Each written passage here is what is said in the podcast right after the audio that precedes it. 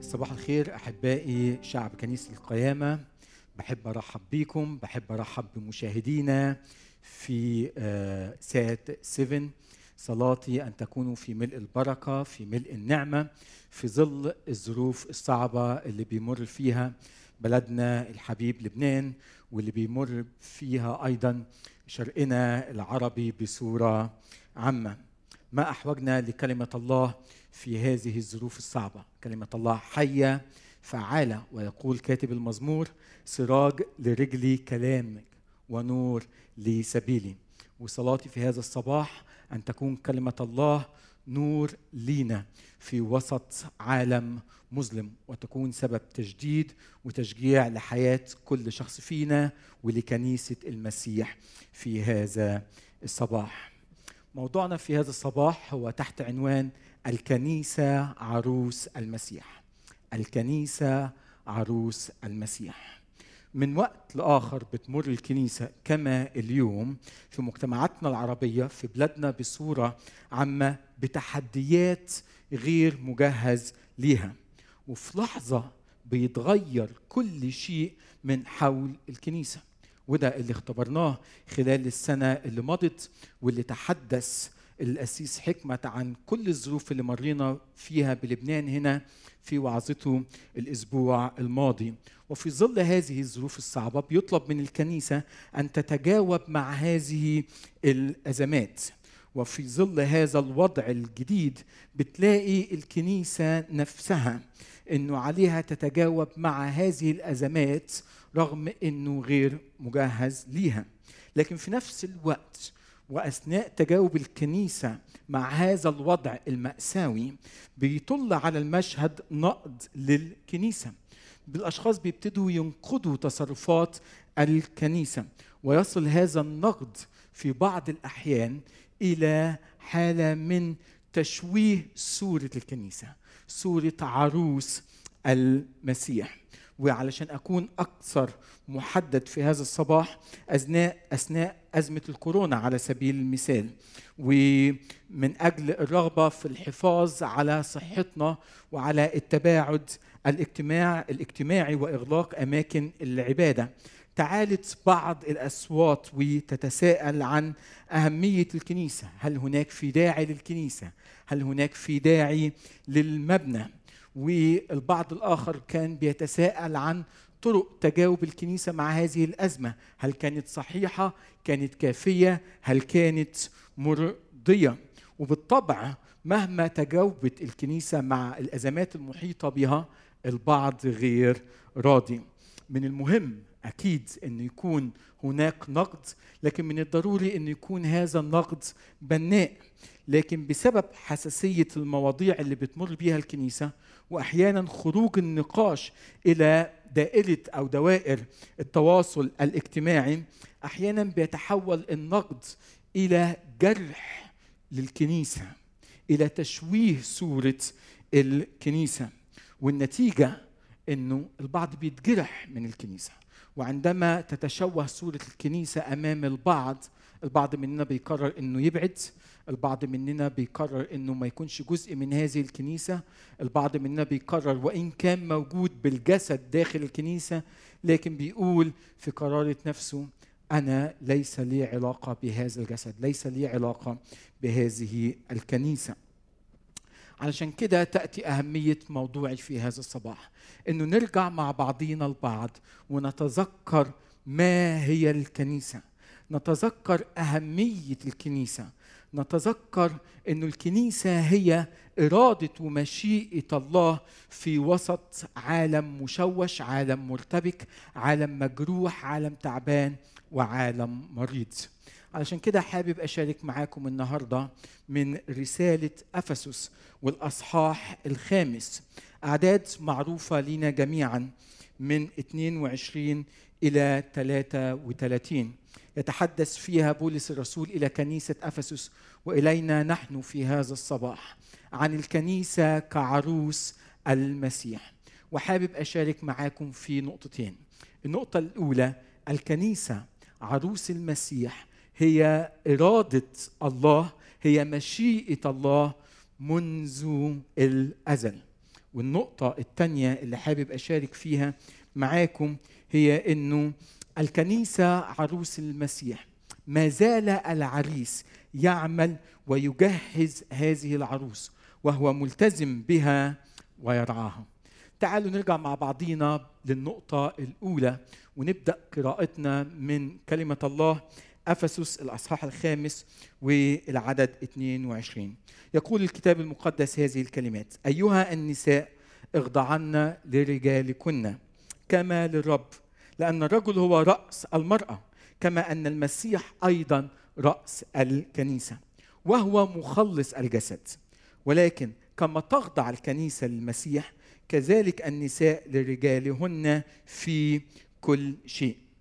أيها الرجال يقول الكتاب المقدس أحبوا نساءكم كما أحب المسيح أيضا الكنيسة وأسلم نفسه لأجلها لكي يقدسها مطهرا إياها بغسل الماء بالكلمة لكي يحضرها لنفسه كنيسة مجيدة. لا دنس فيها ولا غضن أو شيء من مثل ذلك بل تكون مقدسة وبلا عيب.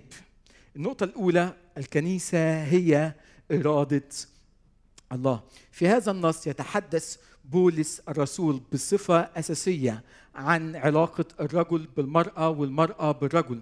يطلب من المرأة أن تخضع للرجل كما تخضع الكنيسة لرأس الجسد المسيح ويطلب من الرجل أن يحب المرأة أو يحب النساء كما أحب الله الكنيسة.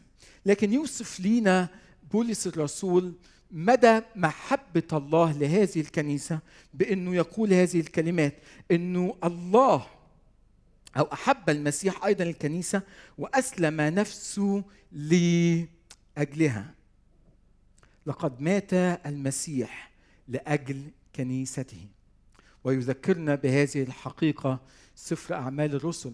عندما يصف يصف الكاتب الكنيسة بأنها الكنيسة التي أو كنيسة الله التي اقتناها بدمه.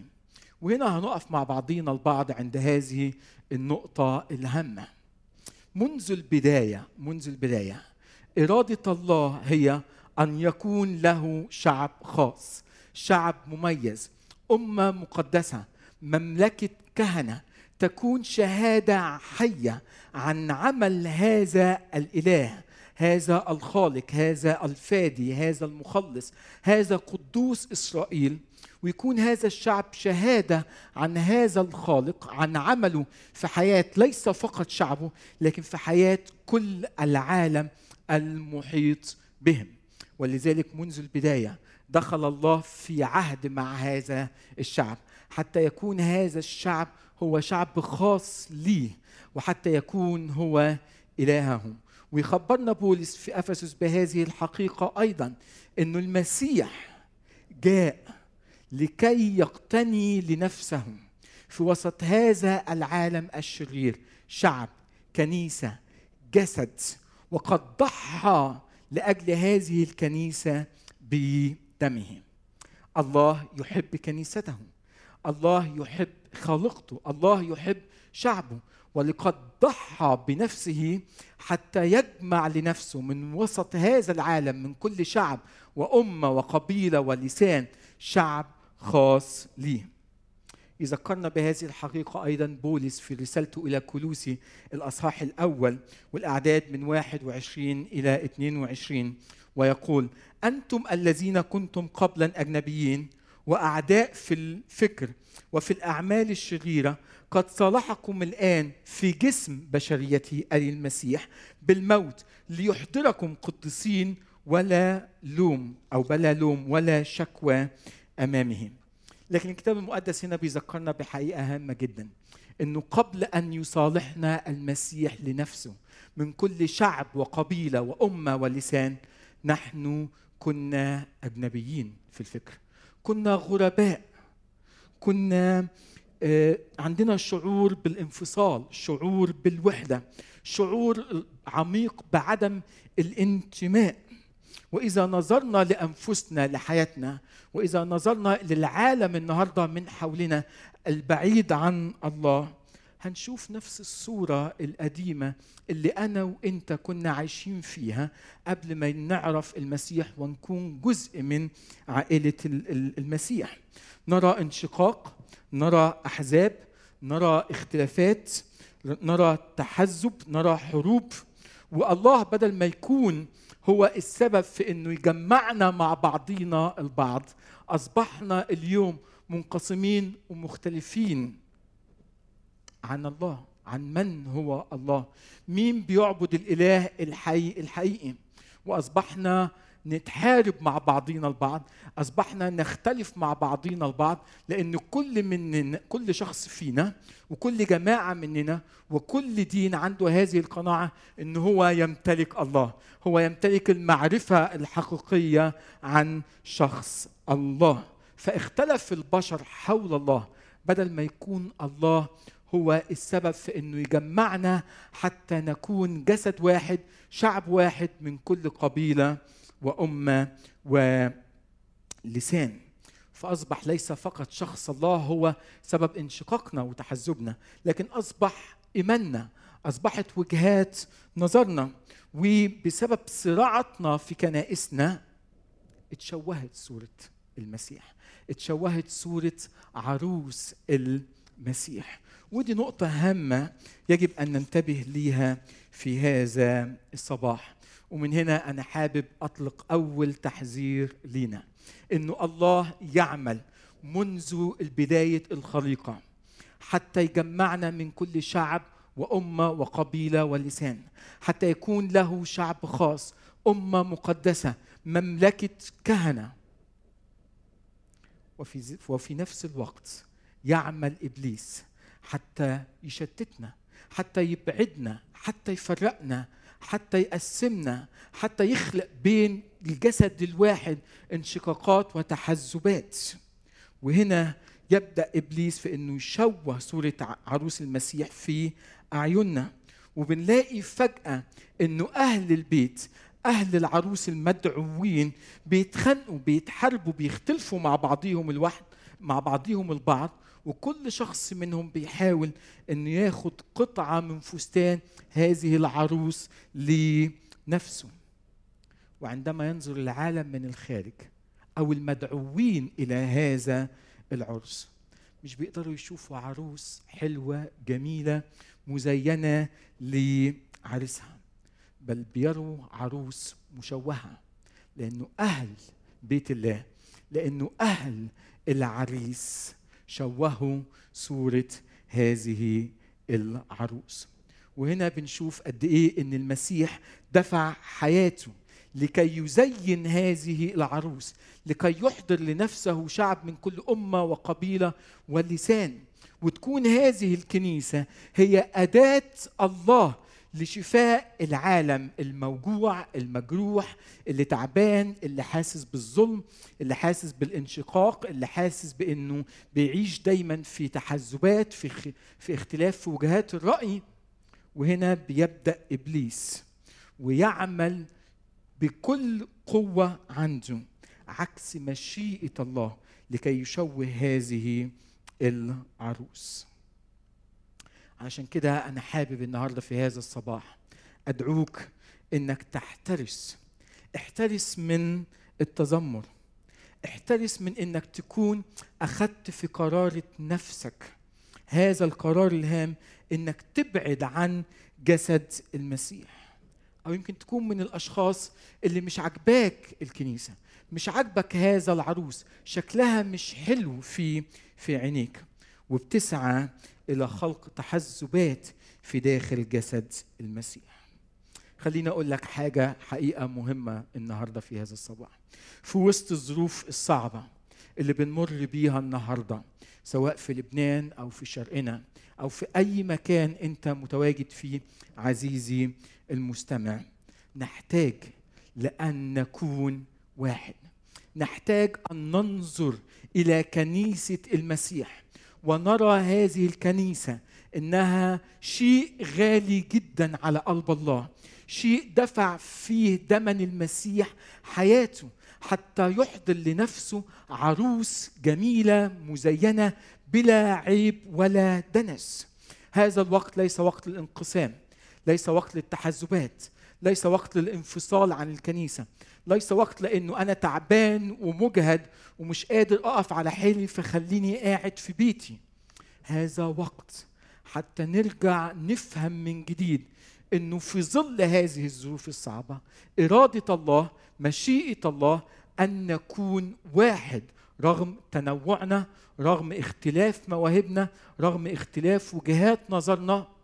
ومهم جدا أن ندرك هذه الحقيقة. عندما نتألم كجسد المسيح عندما تمر عروس المسيح بظروف صعبة إحنا محتاجين بعضينا البعض محتاجين نسند واحد الآخر. علشان كده حابب أدعوك في هذا الصباح إنك تخرج من تعبك تخرج من ألمك تخرج من هذه النظرة التشاؤمية لعروس المسيح وتاخد هذا القرار وتقول إنه كما أحب المسيح كنيسته. وضحى بنفسه لأجلها لكي نكون جسد واحد. أنت وأنا تكون عندنا هذه الرغبة هذه المشيئة الإلهية إنه نكون واحد مع بعضينا البعض في وسط هذه الظروف الصعبة. فهذه هي مشيئة الله أن نكون جسد واحد أهل بيت الله. أما العروس فما زال العريس يعمل لكي يحضرها إلى نفسه عروس مجيدة. وده الأمر اللي يقودنا إلى النقطة الثانية وهي إنه العريس مازال يعمل جاهدا حتى يجهز العروس وهو ملتزم بها ويرعاها. تعالوا نرجع مع بعضينا البعض للنص اللي بين إيدينا. يقول الكتاب المقدس في الأصحاح الخامس من رسالة أفسس والعدد 28 كذلك يجب على الرجال أن يحبوا نساءهم كأجسادهم. من يحب امرأته يحب نفسه فإنه لم يبغض أحد جسده قط بل يقوته ويربيه كما الرب أيضا للكنيسة لأننا أعضاء جسمه من لحمه ومن عظامه. ويكمل الكتاب المقدس لذلك يترك الرجل أباه وأمه ويلتصق بامرأته ويكون الاثنان جسدا واحدا. هنا بنشوف مع بعضينا البعض إنه العريس لم مش فقط ضحى بنفسه لأجل عروسته لكن ما زال يعمل ما زال يعمل لأجل هذه العروس.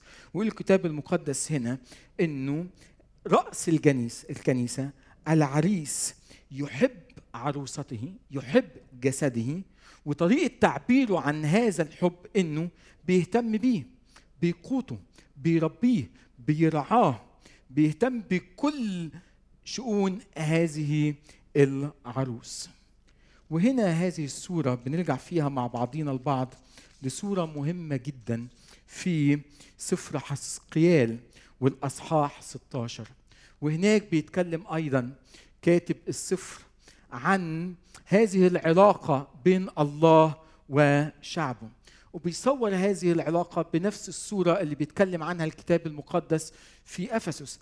علاقة حية مقدسة بين العريس وبين العروس بين هذا الحبيب وبين خطيبته بين هذا الإله الذي دخل في عهد مع شعبه ويقول الكتاب المقدس ويصف كيف وجد الله هذا الشعب وكيف عمل الله في الماضي ويعمل اليوم حتى يحضر هذه العروس وتكون مزينة لعريسها بيبتدي حسقيال في هذه في هذا الأصحاح بهذه الكلمات بيقول وبيذكر شعب الله يوم ولدتي اتولدتي لا أحد قطع سرتك هنا بيرسم لينا صورة المولود. ولا غسلك بماء لتنظيفك. فهنا بنشوف صورة المولود اللي مخلوق جديد اللي لسه موجود في دمه. ولا ملحك أحد بالملح. ولا واحد أشفق عليك ولا رأف بك ليعمل لك شيئا من هذا. بل كنت محتقرة بيوصف هذا المشهد يوم ولدت فطرحت في الحقر. لكن يقول الكتاب المقدس وأنت ملطخة بدمائك وأنت لم يهتم بك أحد من قبل. مررت بك ورأيتك ملطخة بدمك فأمرت أن تعيشي ولا تموتي في دمك. وجعلتك تنمين بتكبري كنبات الحقر. فنميتي وكبرتي أصبحت جميلة جدا وغطيتك سترت كل عيوبك.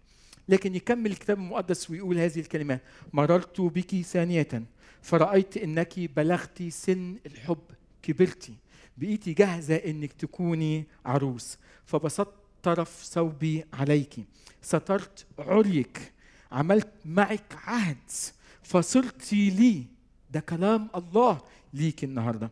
غسلتك بالماء نظفتك دهنتك بالزيت ألبستك ثوبا مطرزا. وحذاء من الجلد رداء من الكتان كسوتك بالحرير زينتك بالحلي. وضعت أساور على إيدك سلسلة جميلة حول رقبتك. حلقا في أذنك. تاج جميل على رأسك. زينتك بالفضة والذهب. لبستك الكتان والحرير فصرت جميلة جدا كملكه كملكة. هذه الصورة الجميلة بتصف لنا عن هذا الإله المحب عن هذا الإله الذي يرعى. اللي لما شاف شعبه في هذه الصورة لم يترك هذا الشعب لكن اهتم بيه دخل في عهد معاه. ابتدى يقومه من محنته من أزمته. ابتدى يخلصه من عبوديته من شره من خطيته. لكن لم يتركه وحده يكمل الرحلة والمشوار. لكن بيوصف لنا حسقيال هذه الصورة عن هذه الفتاة التي بلغت سن الرشد سن الحب سن الزواج. إنه بدأ هذا الإله إنه يزينها ويجهزها هذا الإله لكي تكون عروس جميلة مزينة وجاهزة ليوم العرس لعرسها. هذه صورة جميلة مهمة أن تكون في ذاكرتنا النهارده. لكن هذه الصورة اللي بيرسمها لينا الله بتظهر لينا عن محبة الله لهذه العروس. بتظهر لنا كيف يتعامل الله مع هذه العروس. بيتعامل معاها بالنعمة بيتعامل معاها بالحب بيتعامل معاها بالرأفة بيتعامل معاها بكل صبر وطول أنات. فلم يتركها رغم كل عيوبها لم يتركها. بولس في رسالته إلى كورنثوس الثانية والأصحاح 11 يقول هذه الكلمات. يقول بولس فإني أغار عليكم. هنا بيخاطب شعب الكنيسة هنا بيخاطب عروس المسيح. أغار عليكم غيرة الله لأني خطبتكم لرجل واحد لأقدم عذراء عفيفة للمسيح ولكنني أخاف. إنه كما خدعت الحيه حواء بمكرها هكذا تفسد تفسد أذهانكم عن البساطة في المسيح. هنا بياخد بولس خادم المسيح هذا العهد على نفسه إنه يقدم يقدم لله عذراء عفيفة. وصلاتي في هذا الصباح إنه كما التزم الله بعروسته كما التزم الله بشعبه كما تعامل الله بالنعمة مع هذا الشعب. إنه تتنقل فينا هذه الغيرة في هذا الصباح لعروس المسيح وناخد هذا العهد بإنه نقدم عذراء عفيفة للمسيح. فأنا ملتزم بعروس المسيح لأنه الله ملتزم بعروسته. أنا هتعامل بالنعمة مع عروس المسيح لأنه الله بيتعامل بالنعمة والرأفة والمحبة. أنا هيكون عندي طولة بال على عروس المسيح لأنه الله عنده طولة بال مع هذه العروس بيجهزها لنفسه. وأنا وأنت مدعوين في هذا الصباح حتى نعمل مع الله لكي نجهز هذه العروس ليوم العرس ليوم العرس. لكن ما أصعب أن نقوم بهذه المهمة وإحنا تعبانين وإحنا مش قادرين نشوف قد إيه هذه العروس هي غالية على قلب الله. بولس بيقول هذه الكلمات في رسالته إلى كولوسي إنه أنا بفرح بفرح رغم كل الألام اللي أنا بمر فيها لأجل الكنيسة التي هي جسد المسيح. اللي بيخليك يا بولس تفرح رغم كل الألام اللي انت بتمر فيها. لأنه أنا عايز أقدم عذراء عفيفة للمسيح. هتحمل الألم هتحمل التعب هتحمل كل الصعوبات اللي أنا بعدي فيها في حياتي. هتحمل كل الصعوبات اللي أنا بعدي فيها يمكن في العلاقات داخل جسد المسيح حتى أحضر عروس عذراء عفيفة. لأن هذه هي مشيئة الله. في هذا الصباح أنا حابب أدعوك. إن كان إبليس شوه صورة هذه العروس فدعوة الله ليك مش إنك تتركها مش إنك تتخلى عنها مش إنك تبعد عن هذه العروس.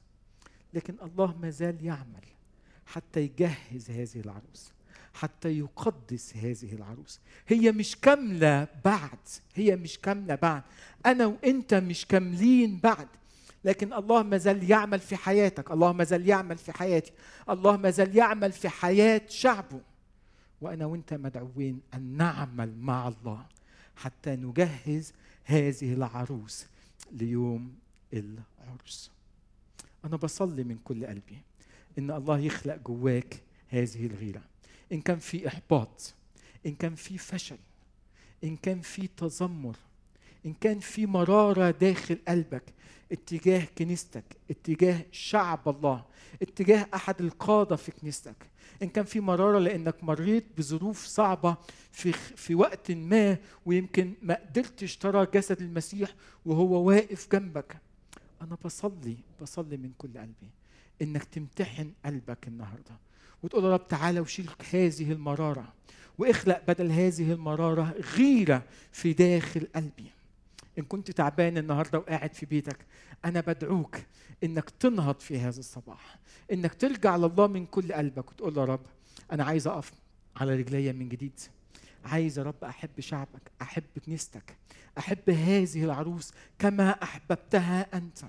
ويا رب أنا من النهارده حابب أخدم هذه العروس حابب أجهز هذه العروس. يمكن الله بيدعوك النهارده إنك ترفع سماعة التليفون وتسأل على حد. يمكن حد تعبان جنبك محتاج إنه حد يسمع له إنك ترفع سماعة التليفون وتسأل عليه وتسمع منه. يمكن في شخص جعان محتاج حد يقدم له وجبه وجبة أكل. محتاج الله النهارده إنه أو الله النهارده بيدعوك إنك تقدر تمد إيدك وتساعد هذا الإنسان في وسط ظروفه الصعبة. الله بيدعوك النهارده وبيقول لك شعبي محتاج لك. كنيستي محتاجة لك. أنا ما زلت أعمل وأجهز هذه العروس. فهل عندك استعداد إنك تسمع لدعوة الله؟ إنك تقف من جديد على رجليك وتقول له يا رب أنا هحب كنيستك زي ما أنت حبيتها. أنا هخدم كنيستك زي ما أنت لسه بتخدمها. وهعيش في وسط كنيستك بالنعمة بالرأفة بالصبر وبطول أنات.